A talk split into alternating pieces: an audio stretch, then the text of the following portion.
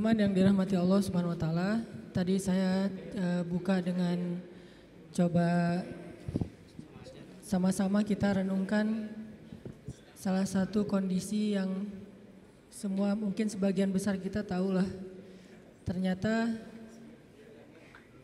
Jepang itu luar biasa ya secara uh, moral, secara etika, secara kedisiplinan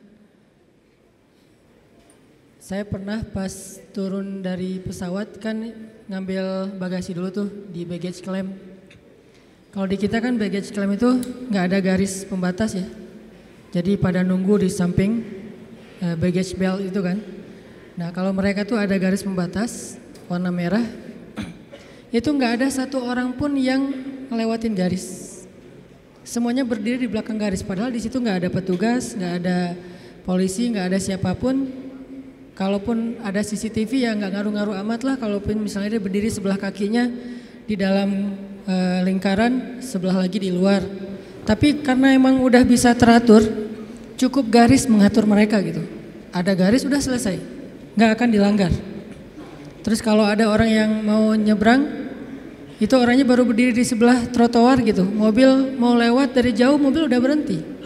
Bukan dulu-duluan ya, kalau di kita mah orang udah jalan harus mundur lagi gara-gara mobil duluan misalnya.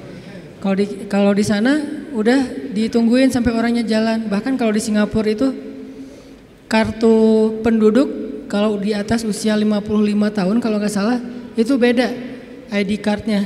Kenapa? ID cardnya itu ada semacam chip yang bisa dipakai untuk uh, apa? Kalau dia mau nyebrang, dia tempelin kartu ID cardnya itu di lampu merah, itu lampu merahnya bakalan lebih lama dari biasanya. Kalau orang normal lewat, ID cardnya nggak bisa ditempelin, jadi lampu merahnya misalnya 30 detik, ya udah 30 detik. Tapi begitu ada aki-aki pengen lewat nih, nempelin di lampu merah itu jadi 45 detik, 50 detik. Saking menghargai orang yang tua sampai ada sistem buat kebutuhan mereka. Jadi udah teratur banget, udah rapi banget, udah moralitasnya kalau ketemu kita tuh langsung nunduk gitu ya kan ya. Sampai turun dari pesawat itu ada yang nungguin khusus bagian kayak gitu-gitu. Enggak tahu pegel apa enggak gitu sehari-hari kayak gitu tuh. Dan itu udah biasa. Dan ketika kita belanja di sebuah salah satu tempat pembelanjaan tuh cari musola itu di enggak kalau kita kan di masjid misalnya ada yang nyari toilet di mana ya nunjuk ya. Kalau mereka enggak nunjuk dianterin saya nanya e, prayer room di mana gitu. Oh muslim ya dianterin. Ini prayer room dibukain kuncinya dikasih sajadah. Ternyata dia udah nyiapin sajadah. Terus pas dia mau ngambil sajadah, dia bilang tunggu sebentar ya, saya ambil sajadah dulu. Oh iya iya, dia ambil sajadah. Pas dia datang dia bilang maaf ya udah nunggu lama. Coba. Kita yang pengen sholat, kita yang ngerepotin dia, dia yang minta maaf, maaf ya nunggu lama, saya ngambil sajadah dulu. Oh iya ya nggak apa-apa. Akhirnya kasih sajadah. Luar biasa emang secara moral. Dan tetap di negeri-negeri yang lain juga ada orang-orang baik kayak gitu. Cuman kalau ini udah sistemik, bukan cuma sekedar improve orang secara personal, tapi udah sistemik. Jadi udah tersistem di mana-mana kayak gitu. Kalau belanja nanya dari mana Indonesia kan Indonesia Jepang mungkin secara kemajuan negaranya mungkin beda lah ya. Harusnya mereka sebagai negara maju pas tahu dari Indonesia biasa aja. Beda kalau misalnya tahunya kita dari mana dari Jepang oh iya iya gitu. Ini pas tahu Indonesia oh Indonesia Indonesia kayak menghargai gitu respect kepada orang lain. Itu udah nggak usah diragukan lah. Dan saya juga salut luar biasa. Di balik semua itu ada sedikit hal yang membuat saya ngerasa oh benar ya, emang nggak akan sempurna tanpa agama. Orang Jepang itu tingkat bunuh dirinya tinggi banget ternyata. Dalam setahun itu kasus bunuh diri nggak kurang dari seribu kasus. Dan itu artinya setiap hari minimal ada tiga orang yang bunuh diri. Dan tempat favorit bunuh diri di Jepang adalah di rel kereta. Sehingga kalau misalnya udah ada yang bunuh diri di uh, uh, kereta, itu kereta kan pada uh, berhenti tuh dan pada jadi stuck kan di beberapa stasiun gitu, beberapa jalur.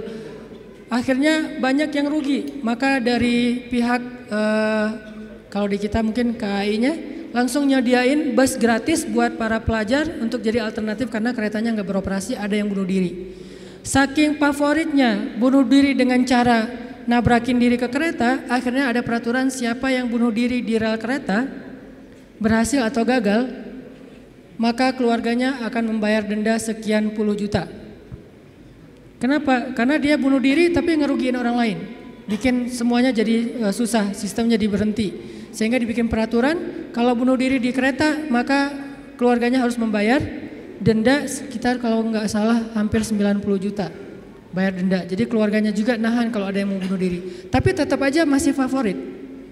Kalau di Korea itu Korea Selatan favoritnya bunuh diri dengan cara loncat dari jembatan, terutama di musim dingin. Kalau di Jepang itu dengan cara cara nabrakin diri ke kereta, bukan ditabrak kereta, orang nabrak kereta. Kenapa bisa kayak gitu? Dan angkanya terlalu tinggi. Ada masalah dikit bunuh diri. Kayak misalnya mereka gagal dalam satu uh, tugas gitu. Itu saking uh, putus asa, saking malunya, saking kayaknya udah nggak ada lagi harapan buat hidup, nggak ada lagi alasan, mereka langsung bunuh diri. Kemarin pas saya ke sana tuh lagi ada kasus bunuh dirinya itu bisa ada uh, jasa, jasa bunuh diri. Jadi ada kalau di kita mungkin ojek online, di sana bunuh diri online. Ada tuh, sedang ramai-ramainya di TV tuh. Kemarin pas lagi di sana tuh lagi diliput gimana proses bunuh diri yang ada online-nya. Dia bisa order. Jadi kayak semacam aplikasi gitu. Aplikasinya bunuh diri. Ini kayaknya perlu diciptakan juga. Nih aplikasi bunuh diri dia order, terus telepon langsung online ke orang yang eksekutornya. Eh saya mau bunuh diri. Oh di mana? Jam berapa? Gimana? Uh, ada beberapa menu tuh. Bisa klik bunuh diri kereta, bunuh diri minum obat, bunuh diri. Diapain misalnya? Tapi nggak ada menu bunuh diri dengan cara diputusin itu belum. Padahal itu kayaknya lebih membunuh ya. Secara pelan-pelan. Jadi dia bisa ngeklik, dia bisa order, bisa pesan gitu. Akhirnya orangnya datang ke rumah, ada yang di skap, ada yang dibenamin ke dalam apa, ditenggelamin ke air, ada yang diikat ke apa, eh, digantung, ada yang macam-macam. Sehingga ada satu eksekutor yang udah membunuh belasan orang dan itu lagi rame di di Tokyo, lagi dibahas di TV-TV Tokyo. Ternyata bunuh diri juga sampai ada kayak jasanya gitu. Kalau bahasa kita sampai ada aplikasi bunuh diri. Saking tingginya tingkat bunuh diri. Kenapa masalahnya? Masalahnya akhlak mereka udah luar biasa kepada manusia, kepada alam, tapi hati mereka kosong. Sehingga bisa dibilang di dalamnya itu rapuh. Nggak akan tough menghadapi masalah-masalah sekecil apa pun.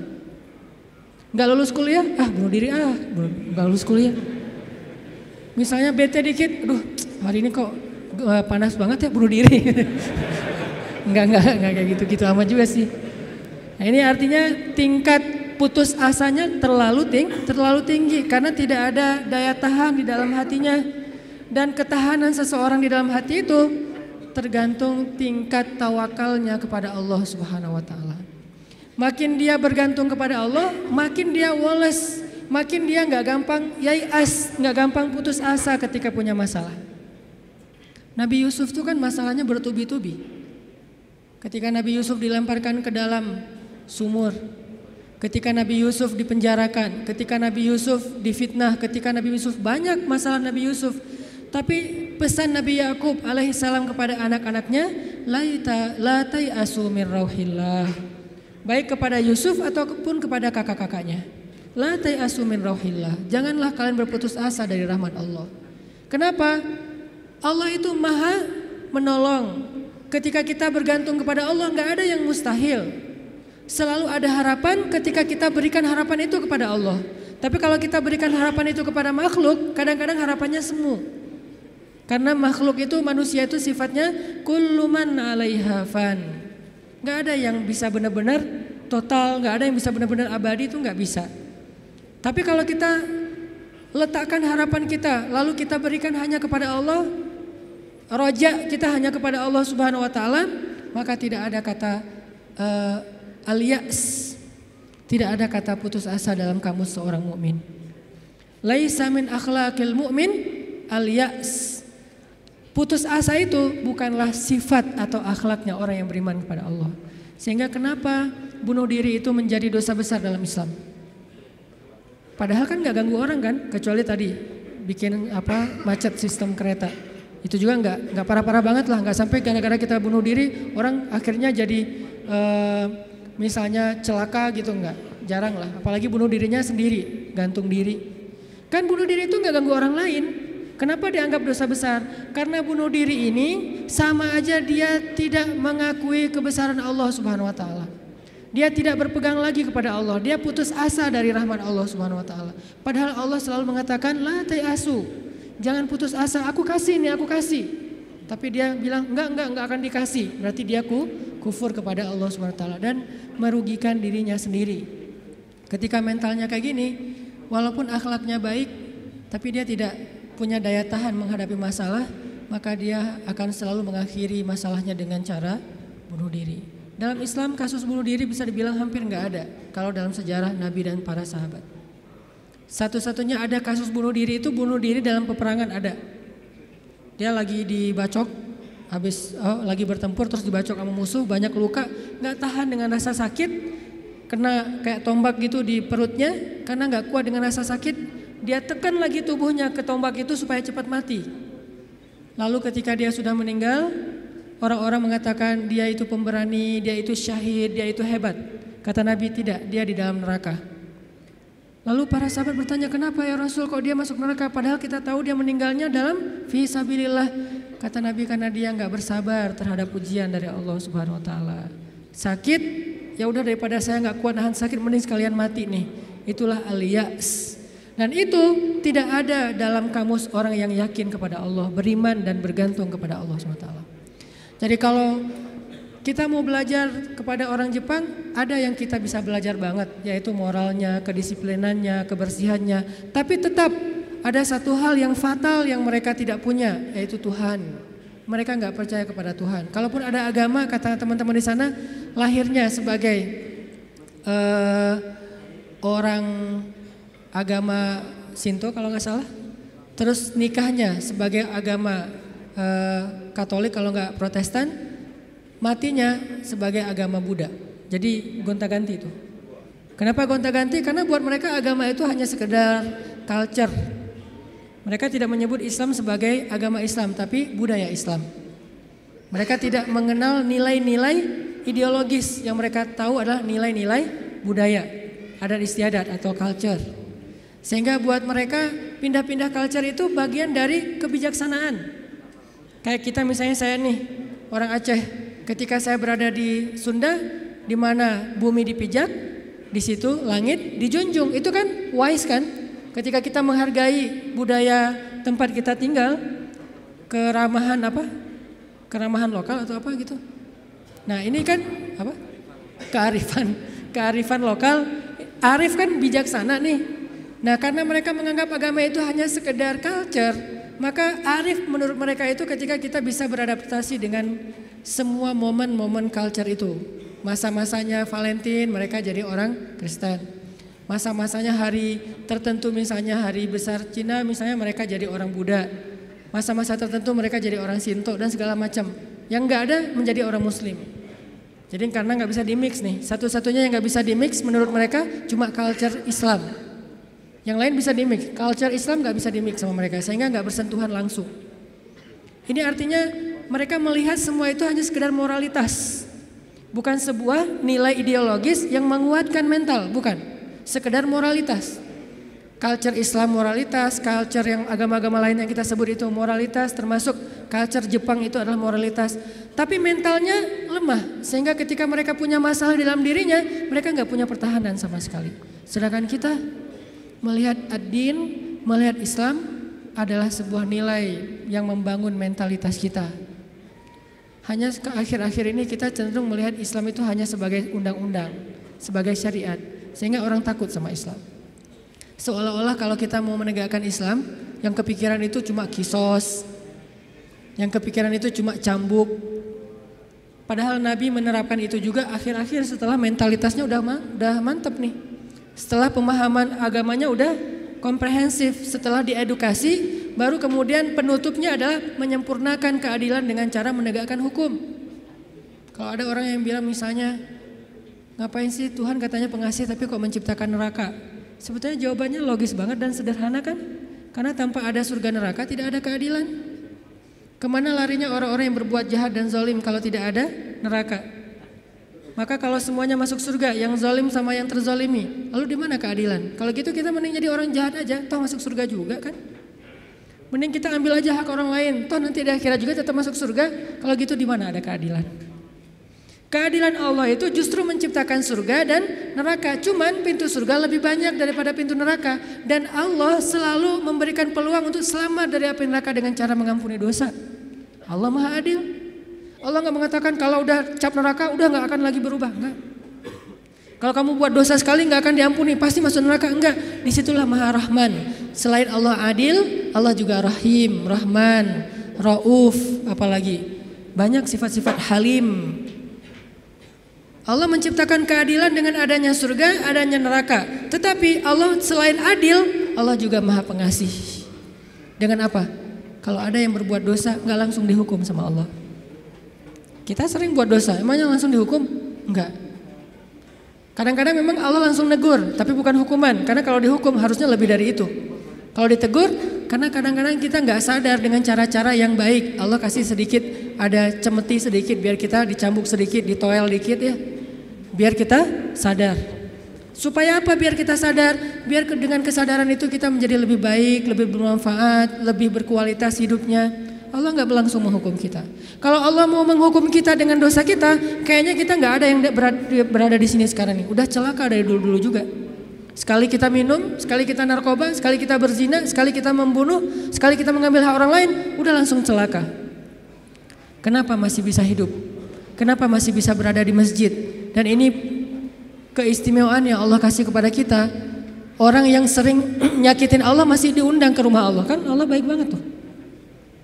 Coba kita ada yang sering nyakitin kita mau diundang ke rumah kita? Di telepon aja kita reject reject terus kalau perlu di blok nggak bisa nelpon lagi, unfollow segala macam, left group. Allah kita sakitin berkali-kali, kita cuekin, kita selingkuhin dalam bahasa kita mah ya. Gimana selingkuhin? Selingkuhin akidah. Kita bilang percaya sama Allah tapi kita jalan sama yang lain. Kita bilang inna solati wa nusuki wa mahyaya wa mamati lillahi rabbil alamin. Itu kan sama aja kayak seorang cowok bilang ke cewek, "Eh aku nggak bisa hidup tanpa kamu." Iya, kamu kan gitu. Inna solati wa nusuki wa mahyaya wa mamati lillah. Iya, lillah gitu kan. Tapi kenyataannya kita merasa seolah-olah Allah nggak lihat kita jalan sama yang lain. Allah tahu, tahu banget. Kalau perempuan mungkin nggak tahu kita jalan sama yang lain. Ketika nanti dia tahu, akhirnya dia shock, panik, dia wah luar biasa tersakiti. Tapi kalau Allah, setiap kita jalan sama yang lain tuh Allah ngelihat. Kita dekat sama yang lain, ke Allahnya enggak. Lah, yang kasih rezeki kan saya. Kenapa kamu terima kasihnya ke dia? Yang memelihara kamu kan saya. Kenapa kamu baiknya ke dia? Kok saya enggak? Berbuat baik kepada hamba Allah, Allah senang. Tapi kenapa kepada Allah enggak? Ini agak-agak kurang fair nih. Ke makhluk yang gak berjasa kita jadi baik. Ke Allah yang maha berjasa kita cuek. Malah kita menuduh Allah dengan tuduhan-tuduhan yang gak pantas. Ngerasa Allah gak penting dalam hidup kita. Kalau Allah gak sabar, makanya Allah itu sabur. Apa arti sabur? Sabar banget. Allah itu sami. Apa arti sami? Dengar curhat banget lah. Kita pasti nggak kuat dengar curhat apa teman-teman kita. Bayangin kalau yang curhat ke kita itu ada puluhan orang kan stres juga tuh setiap hari. Allah dicurhatin miliaran orang setiap hari coba. Bukan miliaran orang, miliaran makhluk. Semuanya curhat kepada Allah. Yas'aluhu man fis samawati wal ard. Semua yang ada di langit dan di bumi curhat kepada Allah. Tapi Allah mendengar semua curhat mereka seolah-olah mereka itu cuma satu orang doang gitu. Dan baru pertama kali curhat akhirnya Allah mendengarnya tuh sami'un. Betah banget ngedengerin curhatnya. Betah banget Allah dengar curhat kita nggak pernah. Kan kamu udah kemarin curhat giliran atau dengan yang lain? Enggak kan? Kita berdoa setiap hari kan udah kemarin giliran soalnya yang berdoa itu eh, banyak loh. Kita di DM aja, di Japri aja kadang-kadang bete juga nih kalau udah dijawab sekali terus ditanya lagi nanya lagi karena banyak banget yang bertanya. Kan agak capek tuh makhluk. Makanya kita nggak disebut sami'ud. Tapi kita sami'un. Allah sami'un, kita sami'un. Apa bedanya? Kalau sami'un senang mendengar, tapi tetap ada batasnya. Kalau sami'un pendengar banget, betah banget ngedengerin, nggak ada batasnya, nggak pernah Allah capek mendengar curhat kita. Lagian kadang-kadang kita yang dicurhatin ke Allah itu masalahnya itu itu juga belum selesai. Allah nggak pernah bilang belum selesai juga masalah yang kemarin, nggak pernah Allah ngomong gitu. Kayak berlarut-larut kamu teh masalah nggak beres-beres, Allah nggak pernah ngomong kayak gitu kan? Tetap aja hambaku ada apa, Allah mendengar. Dan bukan cuma mendengar, Allah yang ngedatangin kita ke langit dunia setiap sepertiga malam. Terus Allah bertanya, hal min hajah? Ada nggak di antara hambaku yang butuh sesuatu? Sini, sini, sini. Hal min taib? Adakah di antara hambaku yang pengen taubat? Sini aku terima taubatnya. Hal min mustaghfir? Adakah di antara hambaku yang pengen minta ampun? Sini aku ampuni dosanya. Allah datangin kita, Allah nawarin jasa kepada kita. Masih kita bilang juga Allah nggak berjasa dalam hidup kita? Masih kita bilang kita nggak butuh Allah Subhanahu Wa Taala? Fabi ayya ala rabbikuma tukadziban. Jadi teman-teman, ada orang kadang dalam kehidupan kita itu berjasa banget sampai kita nggak bisa ngelupain dia. Salah satunya dalam hidup saya misalnya yang paling berjasa itu ibu nomor satu pastinya ya. Kedua istri. Orangnya ada soalnya di sini. Ibu, istri. Kalau selain keluarga, oke okay, itu keluarga. Selain keluarga siapa yang paling berjasa? Dalam hidup saya itu salah satu yang cukup banyak ngebantu saya itu adalah salah satunya nih. Ada saudara saya Ustadz Muhtarom namanya, dosen Unpad, tinggal di Antapani. Beliau yang pertama banget nampung saya ketika saya baru hijrah ke Bandung. Ketika saya nggak tahu tinggal di mana, nggak punya rumah kontrakan, ngontrak juga nggak nggak bisa. Beliau nampung saya tinggal di rumah beliau beberapa lama di Antapani. Beliau kenal kenalin saya dengan ibu-ibu masjid Salim nih dari Mesir nih, mau nggak dengerin ceramahnya? Enak loh, padahal saya juga masih bingung ceramahnya gimana ya? Nggak pernah ceramah, sekali-kali ceramah yang kebalik kan Allah Shallallahu Alaihi Wasallam, Rasulullah Subhanahu Wa Taala. Sekali-kalinya ceramah kebalik saking nervousnya. Disuruh ceramah sama Ustaz Muhtaram ini ceramah. Akhirnya ibu-ibu ngundang-undang saya awal-awal dikenalin di Bandung. Berjasa banget. Sehingga kalau misalnya beliau miss call, nggak keangkat sama saya, langsung saya telepon balik. Kalau beliau SMS, langsung saya read, langsung typing, langsung bales. Kenapa? Karena saya merasa beliau berjasa dalam hidup saya. Adakah yang lebih berjasa dalam hidup kita daripada Allah Subhanahu wa taala? Toh beliau juga hamba Allah. Allah yang mengirim beliau untuk saya. Allah yang mengirim ibunda untuk saya. Allah yang mengirim istri saya untuk saya. Kalau Allah nggak kirim istri saya buat saya, nggak mungkin saya bisa nikah sama dia. Kan saya sering cerita, saya bukan tipe dia banget. Empat pantangan pada diri dia tuh ada di saya. Ya Allah jangan itu, jangan itu, jangan itu, jangan itu. Itu ada di saya semuanya. Coba kalau Allah nggak membolak balikan hati dia, mana mungkin saya nikah sama dia kan? kayak mustahil gitu karena bukan tipe dia banget. Ya Allah jangan yang orang Sumatera, jangan brewokan, jangan yang dop. Udah dop, brewokan pula. Jangan anak pesantren karena mungkin uh, beda apa kebiasaannya terlalu soleh kali menurut dia gitu ya. Empat-empatnya ada pada diri saya terutama yang dop dan Sumatera nih. Orang Sumatera kuliah di Mesir dan Mesir mah Sumateranya Arab. Arab itu kayak kita, ada Sundanya, ada Jawanya, ada Betawinya, ada Sumateranya. Mesir itu Sumateranya Arab. Di Mesir tuh nggak ada cerita kita nungguin nungguin bus di halte tuh nggak ada. Yang ada ngejar bus.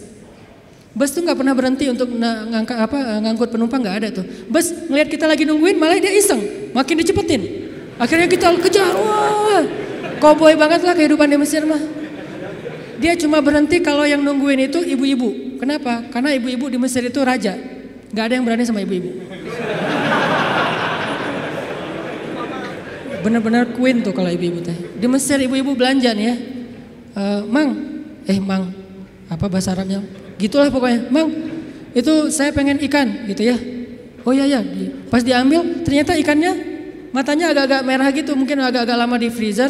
Akhirnya bilang, ini kenapa nih ikan matanya merah? Begadang ya?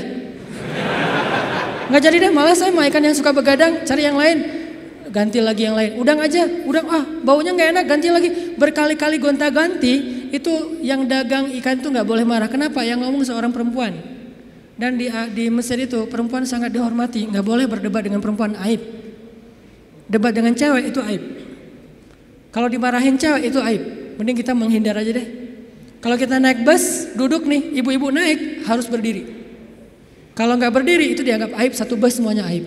Kalian laki-laki atau apa kalian teh? Ada perempuan masuk ke bus, kalian pada duduk cuek itu, malu-maluin kalau di Mesir. Sehingga kalau ada ibu-ibu naik ke dalam bus nih, cowok-cowok semuanya berdiri siap. Silahkan pilih kursi yang mana aja. Ibu-ibu boleh memilih. Kalau di kita kan laki-laki memilih, eh enggak, salah. Ini ibu-ibu yang memilih, saya mau yang di situ. Kenapa? Cowoknya ganteng. dia milih tuh. Terserah dia mau duduk di mana. Cuma dua, ibu-ibu sama ulama. Kalau ada ulama Al-Azhar, karena ulama Al-Azhar, dosen-dosen saya di Al-Azhar itu nggak punya mobil pribadi. Mereka hidupnya sederhana.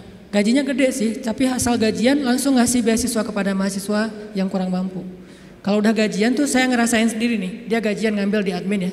Karena dulu nggak ada transfer-transferan, Mesir itu agak-agak terlalu ya gitulah manual ya nggak ada transfer satu-satunya komputer di ruang admin tuh dipakai main kartu karena dia nggak ngerti sistem komputerisasi akun kayak gitu tuh apa uh, akuntan tuh nggak ngerti dia tuh tahu satu-satunya komputer dipakai main kartu main kartu pas kita lagi ngantri uh, om kita lagi ngantri nih ntar tunggu dulu nih kita lagi nih belum beres nih gitu coba tapi menghargai banget kepada orang tua, ulama, ibu-ibu. Nah, ada dosen saya ngambil gaji, gajinya kurang lebih sekitar 2000 pound. Satu pound itu dulu sekitar 3000 rupiah, lumayan lah ya, uh, hampir 10 juta gajinya. Dia ngambil gaji sekitar 10 juta, langsung datangin mahasiswa yang kita lagi nongkrong di depan kelas, di depan apa kampus, ditangin, ya abnai, panggilnya lembut. Anak-anak, kata dosen teh, e, kalian udah beli buku kuliah belum? Kita senyum-senyum, Padahal udah tapi senyum-senyum aja. Nggak bilang udah jujur, mau dibilang enggak, enggak boleh dusta ya. Senyum-senyum aja. Oh ya udah nih beli buku, alhamdulillah. Akhirnya kita beli buku, cuman bukan buku kuliah, buku tambahan gitu kayak buku sejarah, buku apa. Alhamdulillah dia ngasih dari 10 juta, 5 juta itu buat anak-anak. Dan itu kebiasaan di sana tuh dosa-dosanya. Makanya karena hidupnya kayak gitu, sederhana, nggak punya kendaraan. Dosen kalau mau ke kampus bareng dengan kita pagi-pagi tuh naik bus. Cuman kalau kita ngejar, kalau bus uh, supirnya nggak berani disuruh dosen Al Azhar ngejar bus kan nggak mungkin ya. Kalau ngelihat itu ada uh, penampilan dosen, langsung busnya berhenti. Begitu dosennya naik, langsung jalan tuh nggak peduli kita lagi di, di tangga kek, di apa, nggak peduli deh. Kan dosen dulu yang naik nih. Eh, prof, prof silakan. Dosennya naik, baru dosennya di atas, kita masih bergelantungan tuh bus langsung jalan. Sampai ada beberapa mahasiswa Malaysia karena nggak terbiasa mungkin mereka kan biasanya naik taksi nih, karena beasiswa dari kampus dari kerajaannya gede. Kalau kita kan beasiswanya dari Al Azhar. Mesir itu negara miskin tapi ngasih beasiswa puluhan ribu mahasiswa asing. Negaranya miskin tapi bisa ngasih beasiswa luar biasa. Nah Malaysia nggak dikasih. Negara yang tidak dikasih beasiswa di Asia itu Malaysia dan Brunei. Karena dianggap udah sejahtera. Akhirnya mereka terbiasa naik taksi nih. Begitu mahasiswa Malaysia sekali naik bus, nggak terbiasa naik bus ala-ala Mesir gitu. Turunnya membelakangi arah jalannya bus. Kebayang kan? Gelundung gitu kan. Kita mahasiswa Indonesia ketawa-ketawa aja. Wah lucu. Kalau kita kan udah biasa kobo ya. Kejar bus, terus turunnya sambil lari. Kadang-kadang kalau bawa barang itu barangnya dilempar dulu ke dalam bus langsung dikejar naik gitu. Udah biasa lah kayak gitu-gitu di Mesir. Tadi cerita apa tadi teh? Hubungannya? Ya gitulah nggak ada hubungannya. Pokoknya eh, balik lagi ke tema ya. Intinya ketahanan hati kita itu ketika kita dekat kepada Allah Subhanahu wa taala. Jadi nggak ada ceritanya dalam kamu seorang mukmin ada masalah baper udah gitu bunuh diri nggak ada. Tergantung tawakal kita kepada Allah. Coba rasa-rasain ketika kita lagi ngerasa enak nih hubungannya sama Allah. Sama ketika kita lagi jauh dari Allah, terus dua-duanya dikasih masalah, mana yang lebih nyaman buat kita? Kalau kita pas lagi dapat masalah, pas lagi dekat sama Allah, itu akan bertahan banget. Saya pernah ngerasain itu. Saya karena kan sering ditolak ya ceritanya ya, curhatlah dikit lah ya. Kalau ditolaknya lagi jauh dari Allah, itu baper. Tawaf sungai Nil kan, mau loncat, aduh dalam eh. Takut ada apa kudanil gitu. Nggak loncat, buat apa lagi hidup kalau kayak gini ya. Kenapa kayak gitu lemah? Gara-gara jauh dari Allah. Kalau ditolak pas lagi dekat sama Allah, nggak apa-apa. Yang penting jangan ditolak sama Allah kan gitu. Ditolak, ya Allah pasti engkau mau ganti yang lebih keren ya. Husnuzon kan, aku tergantung prasangka hambaku. Ya udah bertahan. Orang makin dekat sama Allah makin tough, makin bisa survive dalam menghadapi masalah. Makin tuh. Kenapa? Karena survive seseorang dalam menghadapi masalah itu bukan soal dia punya uang atau enggak, dia punya teman atau enggak, dia sehat apa enggak. Soal mentalnya, hatinya kuat enggak menghadapi masalah. Baru dia bisa tough dan survive. Ada orang yang secara fasilitas hidup udah nyaman, kenapa masih bunuh diri? Termasuk tadi tuh di Jepang itu kan jaminan sosial tinggi banget ya, luar biasa ya. Sampai ada teman saya bukan hanya berlaku untuk warga Jepang, untuk warga asing yang kerja di Jepang tetap dapat jaminan sosial karena pajaknya tinggi. Ada teman saya yang e, ngelahirin, setelah dia nikah hamil lahir, itu anak biaya ngelahirnya ditanggung pemerintah, terus ibunya boleh cuti selama enam bulan, tapi tetap dapat gaji full setiap bulan. Cuti enam bulan, gaji fullnya setiap bulan. Ditambah lagi dengan bonus karena udah punya anak. Dikasih bonus, jadi punya anak dikasih bonus. Makanya di sana tuh kayaknya uh, orang menikah itu semangat ya, nggak pengen istiqomah jomblo lah ya. Karena jomblo nggak ada bonus di sana. Begitu nikah dapat bonus, begitu punya anak dapat bonus. Tapi ada batasannya, anak nggak boleh banyak-banyak juga. Makin nambah anak, makin nambah apa? Pajak. Jaminan sosialnya tuh tinggi. Tapi kenapa kok malah gampang putus asa? Padahal secara fasilitas hidup sudah tercukupi. Mental. Mungkin secara etika keren lah pokoknya ngacung jempol pokoknya. Tapi kalau mentalnya lemah, kosong, ada yang gersang di dalam hatinya karena tidak diisi dengan kata Allah di dalam hati mereka. Di satu sisi kita perlu belajar kepada mereka, di sisi yang lain mereka perlu belajar kepada mukmin. Salah satunya mukmin di Indonesia. Ketika kita jauh dari Allah, mulai naik tingkat kriminal, mulai naik tingkat bunuh diri, mulai banyak orang yang putus asa, mulai banyak orang yang mengeluh, terjadilah krisis sosial. Itu ketika jauh dari Allah. Sejak kapan dalam konteks dalam persepsi kita miskin itu masalah? Di zaman Nabi miskin itu bukan masalah. Masalah itu fakir, bukan miskin. Di zaman Nabi, Nabi malah berdoa jadi pengen jadi orang miskin. Ya Allah hidupkan saya sebagai orang miskin, matikan saya sebagai orang miskin, bangkitkan saya bersama orang miskin. Nabi itu cuma bilang, hampir-hampir kefakiran itu menyebabkan orang kufur. Itu teks hadisnya, kadal fakru ayyakuna kufran, bukan miskin jadi kufur, nggak ada teks kayak gitu. Terjemahan kita yang keliru. Orang miskin itu dekat dengan kekufuran. Gak ada teks hadis kayak gitu. Yang ada fakir dekat dengan kekufuran. Terus apa bedanya miskin dengan fakir? Miskin itu kurang harta. Kalau fakir itu kurang syukur. Makanya Nabi dalam konteks miskin malah berdoa pengen jadi orang miskin. Supaya hisapnya gampang. Tapi kalau dalam konteks fakir Nabi malah bertaus. Allahumma inni a'udzubika minal fakri. Ya Allah aku berlindung kepadamu dari kefakiran. Maksud kefakiran di dalam uh, doa Nabi itu bukan kurang harta, tapi kurang syukur, kurang kona'ah dengan apa yang diberikan Allah Subhanahu wa taala. Mental.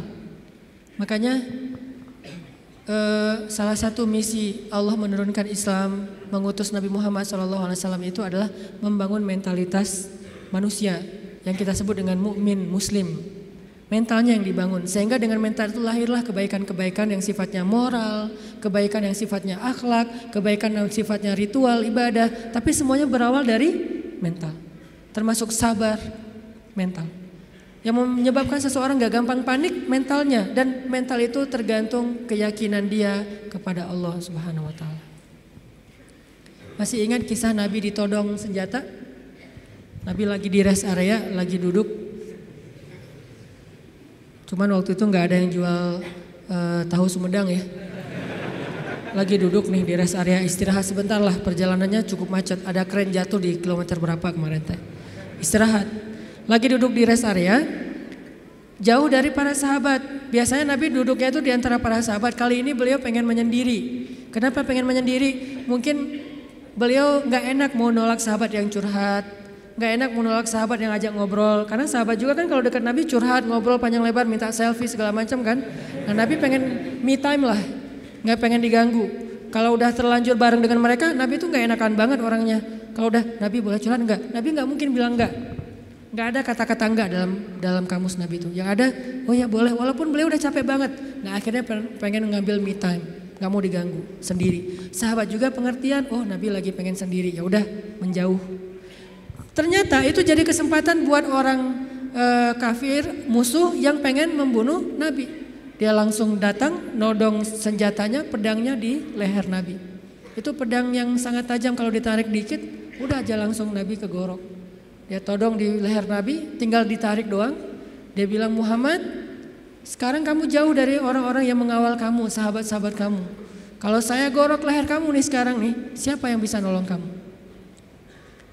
Di situ kelihatan tawakal Nabi itu gambaran tingkat tawakal Nabi itu benar-benar hakut tawakuli.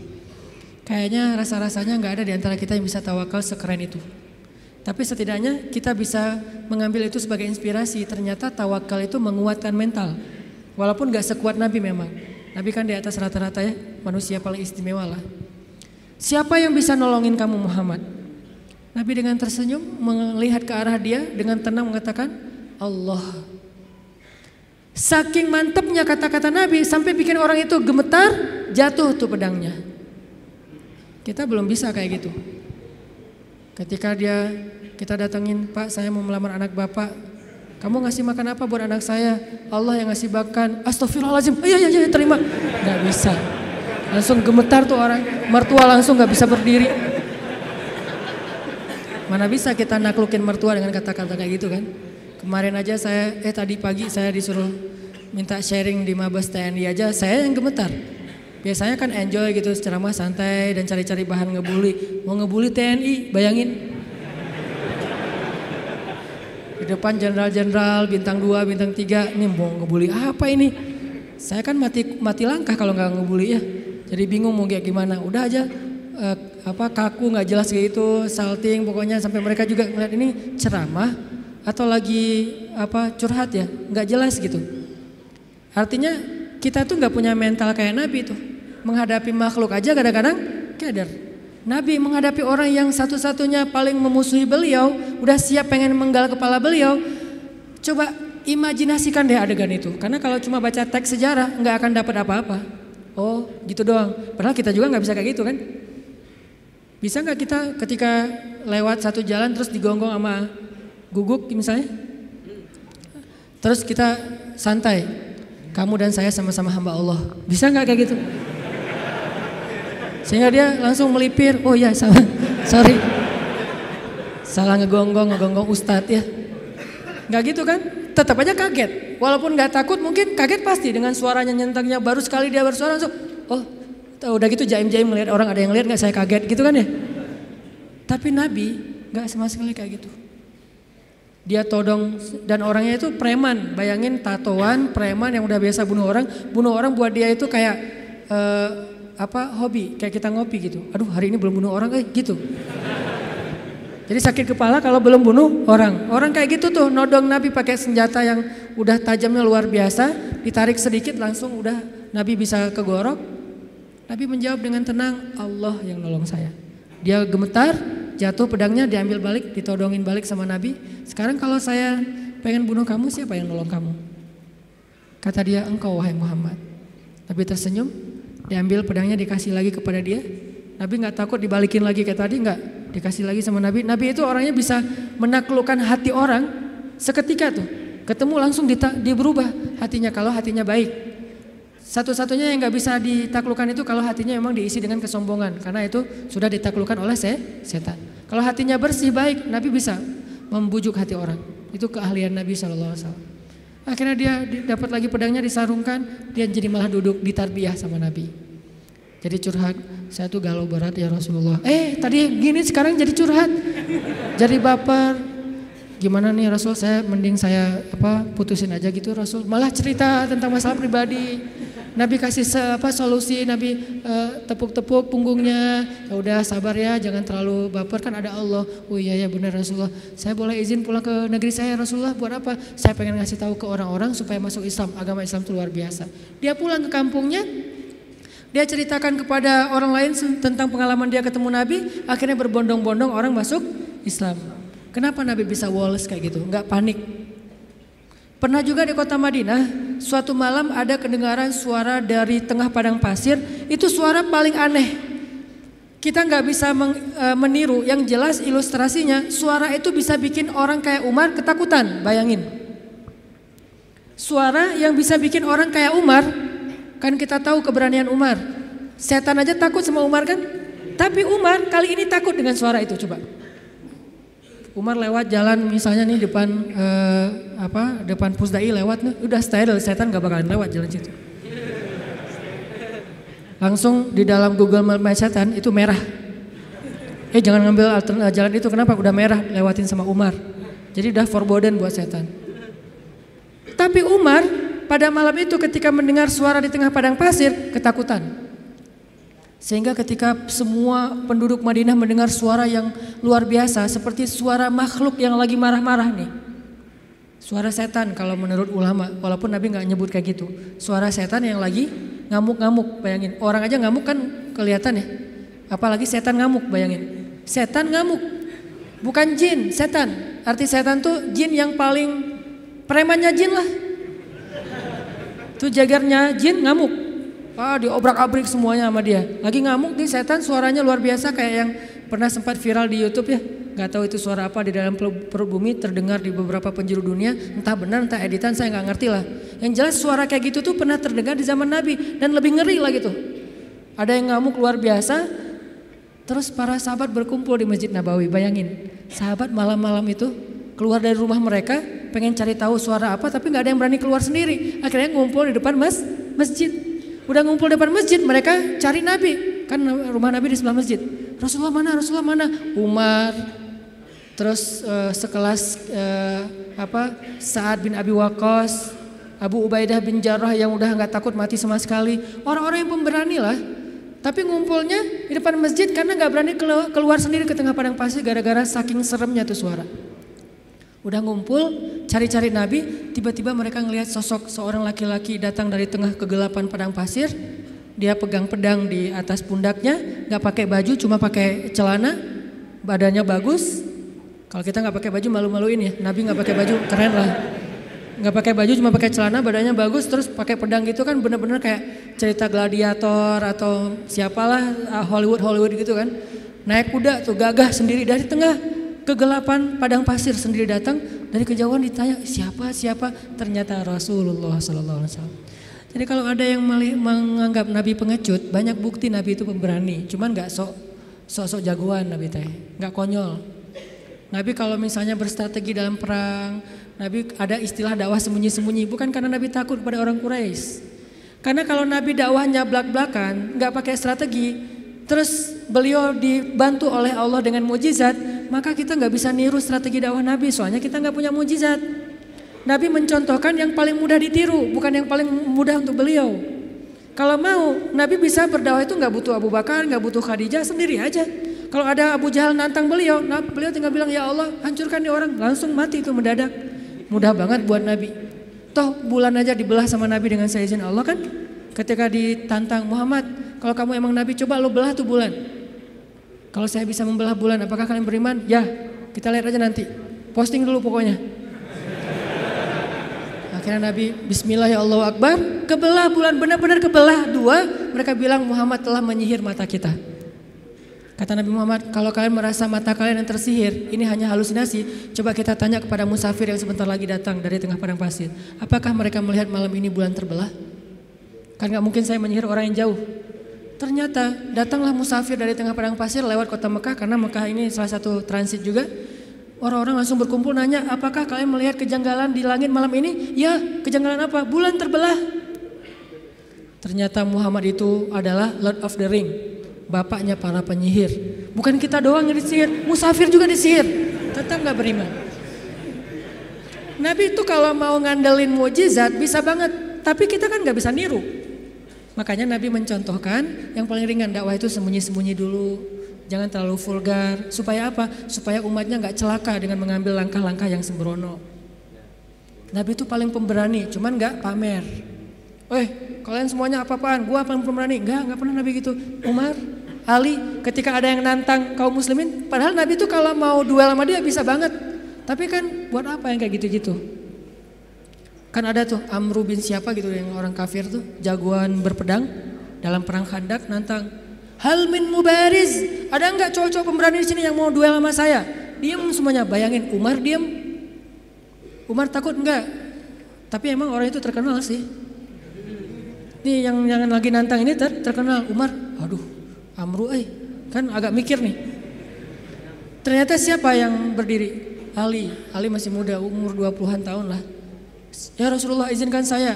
Nabi itu kalau mau Ali emang lo doang yang berani. Gue juga berani sebetulnya. Enggak, Nabi emang gak kayak gitu. Orangnya tawa tuh. Ali jangan. Aku nggak tega kalau terjadi apa-apa sama kamu. Akhirnya Ali duduk. Benar-benar nggak ada laki-laki di antara kalian kata Amru dia manas-manasin tuh. Ya Rasulullah mereka menghina kita ya Rasulullah postingannya tuh nggak enak banget ya Rasul.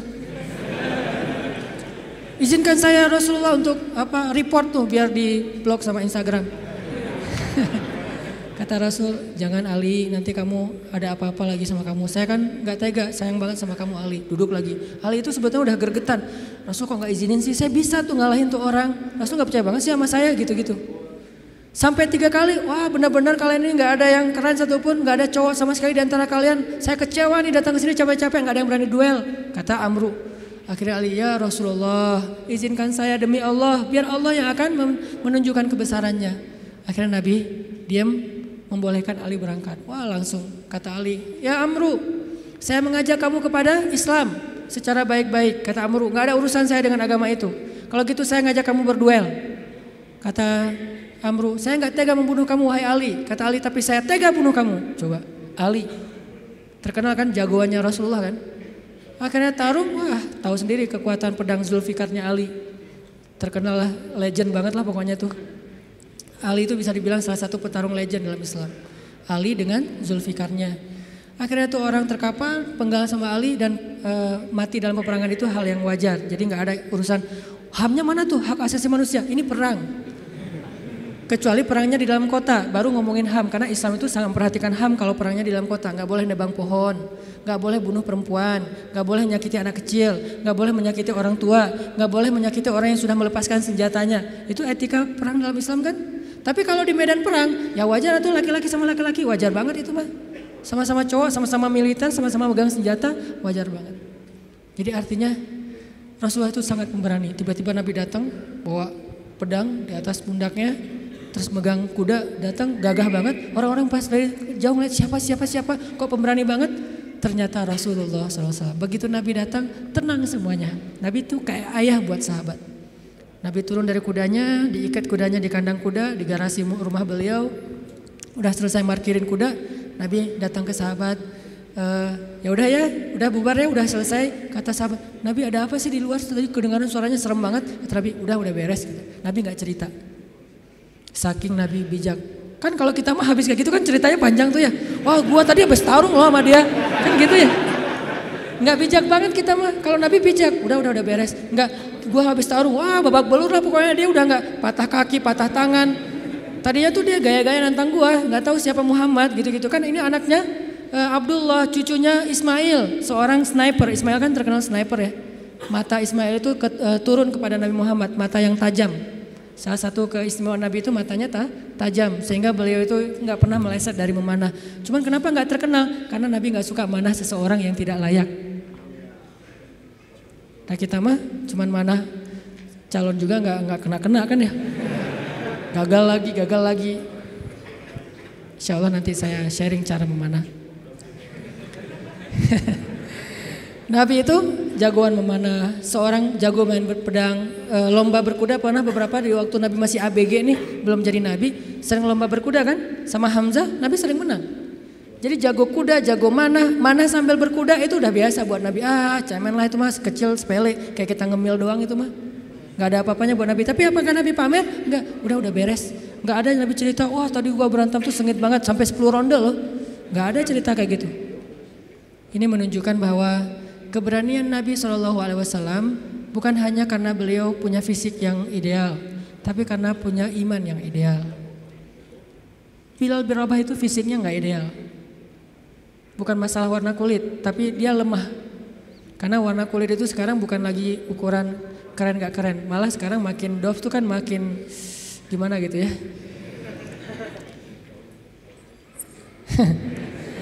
makin dof katanya makin uh, uh, apa istilahnya?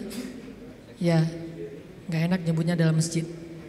Nah, Bilal itu mungkin dia uh, orang yang kulit hitam. Tapi bukan itu masalah Bilal, fisiknya lemah. Pernah tarung sama Wahsy, sama-sama dari budak Habasyah, itu nggak perlu satu ronde, setengah ronde juga selesai. Sekali dorong Bilal jatuh langsung nggak berdaya. Saking lemahnya Bilal. Terkenal fisik Bilal itu lemah ada yang lebih lemah daripada Bilal siapa? Abdullah bin Mas'ud. Sampai dijuluki kaki burung belibis. Saking kaki Abdullah bin Mas'ud itu kecil banget. Sehingga di apa di uh, tendang sedikit langsung jatuh tuh nggak ada kuda-kudanya Ibnu Mas'ud. Tapi kenapa Ibnu Mas'ud ini bisa membunuh Abu Jahal dalam perang Badar? Kenapa Bilal bisa bertahan seperti gunung Uhud ketika disiksa berbulan-bulan lamanya? Padahal fisiknya lemah. Sampai orang-orang kafir Quraisy juga heran. Sekarang siapa yang kuat? Dulu kita pikir Wahsy itu kuat, dulu kita pikir Umayyah bin Khalaf kuat, tapi ternyata Bilal lebih kuat dari mereka semuanya ketika sudah beriman. Lalu ketika mereka bertanya kepada Bilal, "Ya Bilal, setan apa yang merasuki kamu tiba-tiba kamu jadi orang yang tangguh?" Kata Bilal, "Iman." Bukan setan iman yang masuk ke dalam hati saya dan itu meneguhkan seseorang. Wasabbit mana Jadi sabat.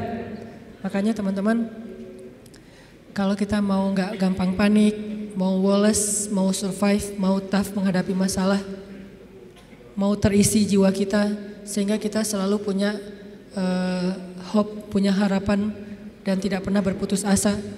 Isilah hati kita dengan iman kepada Allah. Gimana mengisi hati kita dengan iman? Belajar, belajar yakin sama Allah. Buat saya agama itu bukan wawasan, bukan sekedar wawasan, tapi agama itu motivasi. Karena kita udah belajar banyak wawasan agama, kalau nggak ada dorongan motivasi nggak beramal juga. Kita butuh motivasi agama. Motivasi akidah bukan ilmu akidah doang. Motivasi fikih bukan cuma tahu hukum fikih. Motivasi akhlak bukan cuma tahu norma-norma akhlak. Nah salah satu motivasi akidah adalah belajar yakin sama Allah. Karena walaupun kita tahu Allah itu rububiyah, Allah itu asma, sifat, uluhiyah, Allah itu ayat kursi, Allah itu surat al-muluk, Allah itu al-ikhlas. Kalau kita nggak yakin sama Allah, semua itu cuma jadi wawasan. Ketika kita punya masalah, tetap aja kita gampang berputus asa. Jadi putus asa nggak putus asa bukan dia berstatus ustadz, LC, MA, doktor, ulama, tapi siapa yang di antara mereka paling yakin dan berserah diri kepada Allah swt. Itulah yang bertahan. Nanti silakan baca di dalam Al-Quran kisah-kisah ketika para sahabat e, terjepit, ketika para sahabat dalam keadaan lemah, apa yang membuat mereka kuat? Hasbunallah. Cukup bagi kami Allah. Dan kata-kata itu kalau di kita sekedar zikir, kalau di mereka iman. Kalau sekedar zikir nggak ngaruh buat mental kita, walaupun tetap berpahala pastinya kalau ikhlas. Tapi ke mental kita nggak ngaruh. Kita udah bilang hasbul, hasbi Allah, hasbi Allah. Kok saya masih galau Ustadz? Berarti belum jadi iman, belum jadi belief, belum jadi faith. Baru sekedar kata-kata dalam bentuk ritual zikir. Baru jadi syair buat kita. La haula wala quwata illa billah. Subhanallah, alhamdulillah, Allahu akbar. Baru jadi syair-syair yang berpahala buat kita, tapi belum menjadi motivasi dan keyakinan di dalam hati kita. Belajar yakin.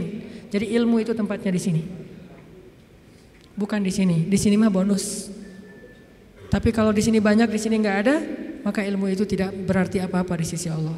Kalau di sini berat ada, walaupun di sini sedikit, maka itu jadi sesuatu. Bilal, siapa lagi? Eh, yang ilmunya sedikit tapi amalnya luar biasa Khalid. Khalid itu kan kalau sholat ayatnya itu itu aja ya. Asal sholat al ikhlas asal sholat al ikhlas eh kita banget lah pokoknya. Jadi ada teladan nih kenapa lo ikhlas terus? Kayak Khalid Cie. Khalid itu kalau sholat ayatnya ayat-ayat pendek gitu. Sampai orang komplain kan dia sebagai amir ya sebagai komandan militer. Begitu sholat di lapangan di tempat eh, peperangan dia ngimamin sholat Orang udah bisa nebak, ah lihat aja ya pasti kalau nggak aliklas alfalak anas. Kayak kayak kita banget lah pokoknya. Aliklas alfalak an anas. Dan itu udah otomatis nggak sengaja lagi, udah udah kayak gitu emang udah ngalir. Satu paket, sholat pasti itu. Sampai orang komplain, Khalid, kangen ah sekali-kali ganti ayat yang lain. Sekali-kali ayatnya yang panjang gitu biar kita lebih semangat. Kata Khalid, maaf ya hafalan saya cuma segitu-segitunya. Soalnya saya sibuk dengan tugas-tugas militer, jadi nggak sempat ngafal Quran. Kalau kita tugas militer enggak, hafal juga enggak ya. Kalau Khalid karena sibuk dengan tugas militer, dia sebagai jenderal bintang 4 yang tugas ekspansi militernya tuh banyak banget, merintis dari awal sampai ke Irak, ke Yaman, ke uh, Suriah, ke mana-mana lah. Akhirnya nggak sempat ngafal Quran secara konsen kayak Ibnu Mas'ud, Ibnu Abbas. Maaf ya gitu. Tapi tetap amalnya banyak walaupun hafalannya sedikit. Kenapa? Karena ilmu buat mereka tempatnya bukan di dalam wawasan kepala, tetapi keyakinan di dalam hati. Belajar iman. Belajar yakin kepada Allah. Sehingga kita tetap respect kepada orang-orang Jepang dalam urusan moralitas, tapi kadang kita merasa kasihan kepada mereka. Moralitasnya udah sempurna, tapi kenapa mereka bisa baik kepada makhluk, nggak bisa baik kepada Khalik yang udah ngasih semua kebaikan itu untuk mereka? Agak-agak kurang fair nih. Kurang kayaknya ada yang klise. Ke manusia baik, ke alam baik, tapi ke pencipta manusia dan alam nggak diakui gitu. Ini kan agak klise ya. Nah ini kita agak kasihan. Nah alhamdulillah teman-teman Indonesia di sana tuh giat banget melakukan dakwah sehingga banyak banget orang Jepang yang udah masuk Islam. Ketika dia masuk Islam dia sadar, oh ternyata emang ini yang dibutuhkan bangsa Jepang selama ini. Yang lain udah udah keren lah, tapi ini masih kurang nih. Mereka sendiri yang testimoni yang nggak dipunyai oleh bangsa Jepang itu adalah Islam. Kalau punya Islam sempurna, udah nggak ada lagi yang perlu dikritisi, udah nggak ada lagi yang perlu dicari-cari celahnya, udah ideal banget. Tapi itulah makhluk tidak ada yang sempurna sehingga tugas kita bukan menjudge, bukan menghakimi, bukan menjelek-jelekan, bukan mengeneralisir. Tugas kita adalah saling mengisi. Di satu sisi kita respect dengan moralitas orang Jepang, di sisi yang lain kita tetap yakin tanpa iman semua itu tidak akan pernah benar-benar hakiki. Ibarat casingnya bagus, tapi nggak ada software apa-apa di dalamnya. Jadi nggak bisa terlalu optimal dipakai juga. Itulah kita. Mudah-mudahan kita belajar juga kepada bangsa-bangsa yang udah modern tapi mereka disiplin walaupun mereka nggak tahu teks-teks agama supaya nggak jadi bumerang buat agama kita teman-teman. Kalau selama ini mungkin banyak yang ngelihat Islam itu sesuatu dengan sebelah mata, bukan Islamnya yang remeh, bukan Islamnya yang nggak sempurna, yang nggak ideal. Kita yang belum menunjukkan idealnya Islam kepada manusia. Bisa jadi yang menjelek-jelekan Islam itu bukan orang di luar Islam. Kita sendiri tanpa kita sadari. Gimana caranya menjelekkan Islam? Kita mungkin nggak menghina Islam, nggak menghina Al-Quran, nggak menghina hadis. Tapi akhlak kita yang nggak sabar, sama saja seperti kita menampilkan wajah Islam yang tidak ideal, yaitu wajah kita atau akhlak kita. Ketika kita memakai baju Islam, di situ ada tanggung jawab besar. Kita harus tunjukkan Islam yang indah, Islam yang ideal kepada semua manusia. Saya juga kadang-kadang sedih ngelihat Arab Saudi terutama karena di situ pusatnya Islam kan. Ketika kita udah sering ke luar negeri, ke Jepang, ke Korea, ke Singapura, ke mana-mana gitu yang teratur, pergi ke negeri pusatnya Islam, baru juga sampai di bandara, baru di imigrasi, itu kita udah kayak jomplang banget gitu. Di Singapura imigrasinya, kalau misalnya kita bawa bayi, dikasih jalur khusus bagi yang bawa bayi, biar cepet, nggak perlu ngantri. Terus kalau misalnya kita salah ngantri dikasih tahu, udah ada yang petugasnya senyum ngasih tahu, dikasih form supaya kita ngisi sambil jalan. Di Jeddah, kita udah ngantri, mereka ngobrol sambil minum teh. Hei, ngobrol berdua. Ya kita ngantri nih. Kalau kita agak protes sedikit, e, Pak, saya udah ngantri tadi, dia marah-marah kepada kita. Ini kasihan, bukan Islamnya ya, orangnya yang tidak bisa menunjukkan betapa indahnya Islam. Nabi nggak pernah nyontohin kayak gitu loh. Karena sifat Nabi itu rafah banget. Gak usah orang ngantri, orang baru ngelihat ke Nabi aja Nabi langsung senyum. Berarti mereka telah meninggalkan sunnah Nabi ketika mereka mengangkat slogan-slogan sunnah tapi mereka tidak menjalankan sunnah itu dengan eh, lebih luas. Padahal sunnah Nabi, teladan Nabi salah satunya adalah dalam urusan akhlak yang luar biasa. Jadi kita kayak mempermalukan Nabi itu. Ngakunya saya teman dekat dia loh, tapi tapi gara-gara akhlak kita nggak benar, tercoreng juga nama dia. Saya anaknya Bapak Fulan, gara-gara akhlak kita nggak benar, nama orang tua kita tercoreng. Kita mengaku umat Nabi, begitu kita nggak sabar, nggak menunjukkan akhlak yang disiplin, bersih, baik, woles, kita seperti mencoreng wajah Nabi yang kita cintai. Kita mencoreng wajah Islam yang kita yakini. Yang lebih berat lagi, kita mencoreng wajah Allah yang maha sempurna. Karena kita tidak menjalankan ajaran Allah yang sudah ideal ini. Jadi teman-teman, jangan sampai lagi terjadi kesalahpahaman terhadap agama, terhadap Islam, terhadap Allah, mungkin bukan salah dia secara murni, tapi karena ngelihat realitas daily dari Muslim dan Jepang. Bukan konsep Islam dan konsep agama Shinto, bukan. Antara Muslim dengan orang Jepang. Ya kita introspeksi diri, berarti kita harus memperbaiki diri lebih lagi dari sekarang, sehingga suatu saat orang akan melihat Islam itu bukan teori, tapi yang didisplay dari Islam itu akhlak. Teori itu main course, tapi appetizernya. Begitu datang langsung dihidangkan appetizer yang nikmat gitu, akhlak, buah, langsung dikasih jus gitu. Sementara kita appetizernya bukan akhlak, main course. Datang-datang langsung nasi goreng, lada gitu ya. Kan orang kaget ya. Kasih dulu akhlak. Supaya oh enak ya buahnya tuh segar gitu. Buahnya tuh manis. Udah selesai appetizer dengan buah-buahan. Kasih main course, fikih, ibadah dan segala macam. Nanti closingnya, dessertnya kasih akhirat, kebesaran Allah Subhanahu Wa Taala ideal. Nah ini tugas kita semuanya sebagai Muslim, sebagai anak muda, sebagai bangsa Indonesia semua tanggung jawab itu ada di pundak kita, bukan hanya di pundak ustadz, bukan hanya di pundak ulama. Siap insya Allah? Mudah-mudahan ke depan orang memeluk Islam karena takjub dan respect.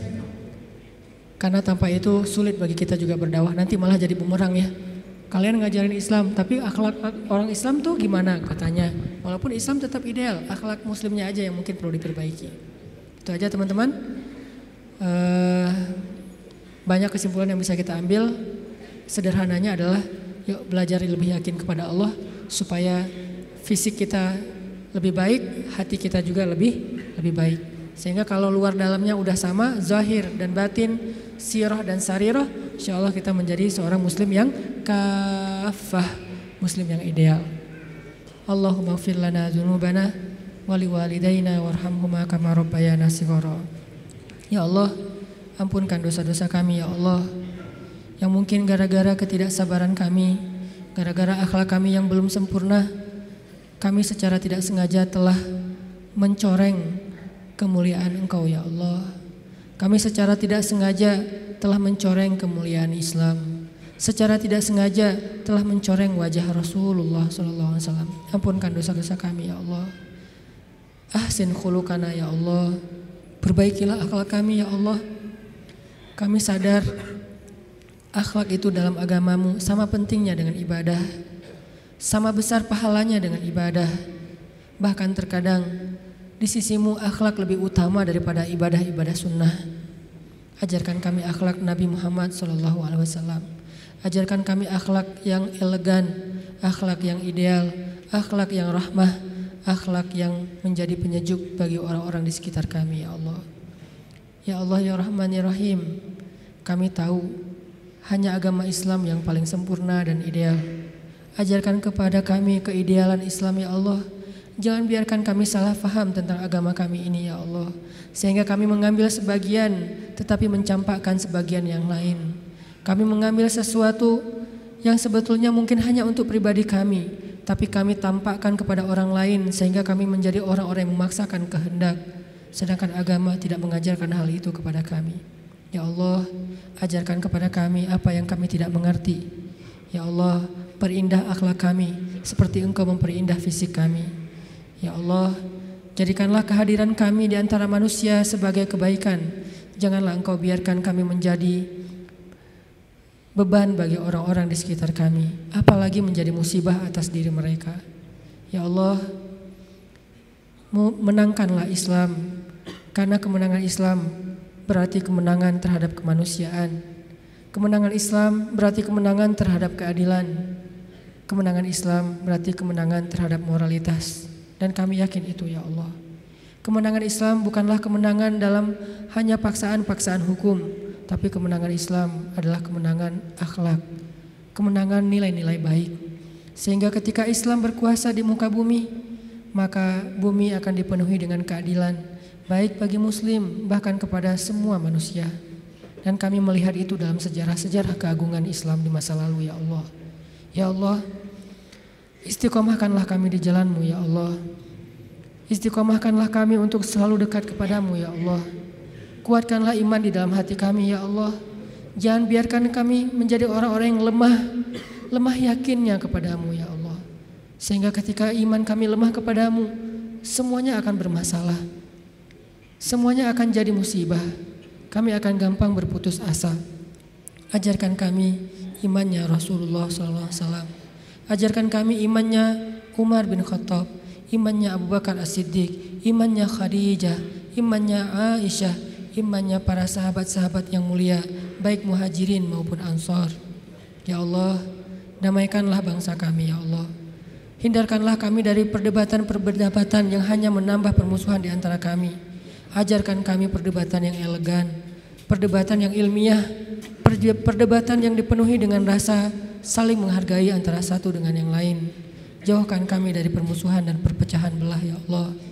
Jauhkan kami kaum muslimin dari saling menuduh kesalahan atas saudara-saudara kami, dari saling menuduh kesesatan atas saudara-saudara kami. Ajarkan kami untuk bersatu hati, sebagaimana Engkau mempersatukan hati antara kaum Aus dengan kaum Khazraj, antara Muhajirin dengan Ansar. Sebagaimana Engkau mengikat hati antara Ashabul Kahfi, sebagaimana Engkau mempersatukan hati antara saudara-saudara Yusuf anak Yakub alaihissalam. Ya Allah, berilah petunjukmu kepada pemimpin-pemimpin kami. Karena kami yakin pemimpin itu bisa menjadi orang yang pertama di antara kami yang masuk ke dalam surgamu karena keadilannya. Bisa juga menjadi orang yang pertama dan paling dalam nerakanya karena kezalimannya. Beri petunjuk kepada pemimpin-pemimpin kami agar mereka bisa bersikap adil. Pemimpin yang takut kepada Engkau ya Allah karena ancaman yang paling besar adalah ancamanmu ya Allah. Siksaan yang paling pedih adalah siksaanmu ya Allah. Agar mereka menjadi pemimpin-pemimpin yang pemberani kepada makhluk tetapi takut kepada Khalik. Sehingga mereka takut untuk mengambil hak-hak rakyatnya, menzolimi bangsanya. Sehingga mereka takut menyia-nyiakan amanah dan wewenangnya ya Allah. Berilah rahmatmu kepada ulama-ulama kami ya Allah. Jadikanlah ulama di antara umat seperti matahari di siang hari. Jadikanlah ulama perannya benar-benar seperti peran Nabi di tengah-tengah para sahabat. Karena kami pernah mendengar ya Allah, Nabi bersabda, al ulama warasatul anbiya. Ulama itu adalah pewaris Nabi. Maka siapa yang menyakiti ulama sama saja dengan menyakiti Nabi. Siapa yang membantah ulama sama dengan membantah Nabi. Siapa yang menjelek-jelekan ulama, memfitnah ulama sama dengan memfitnah Nabi dan tidak ada yang menyakiti Nabi kecuali orang-orang munafik ya Allah. Lindungilah kami dari sifat kemunafikan. Jangan sampai kami berselisih dengan para ulama kami ya Allah, karena itu adalah dosa besar bagi kami. Engkau akan murka kepada seorang anak yang durhaka kepada ayah dan ibunya.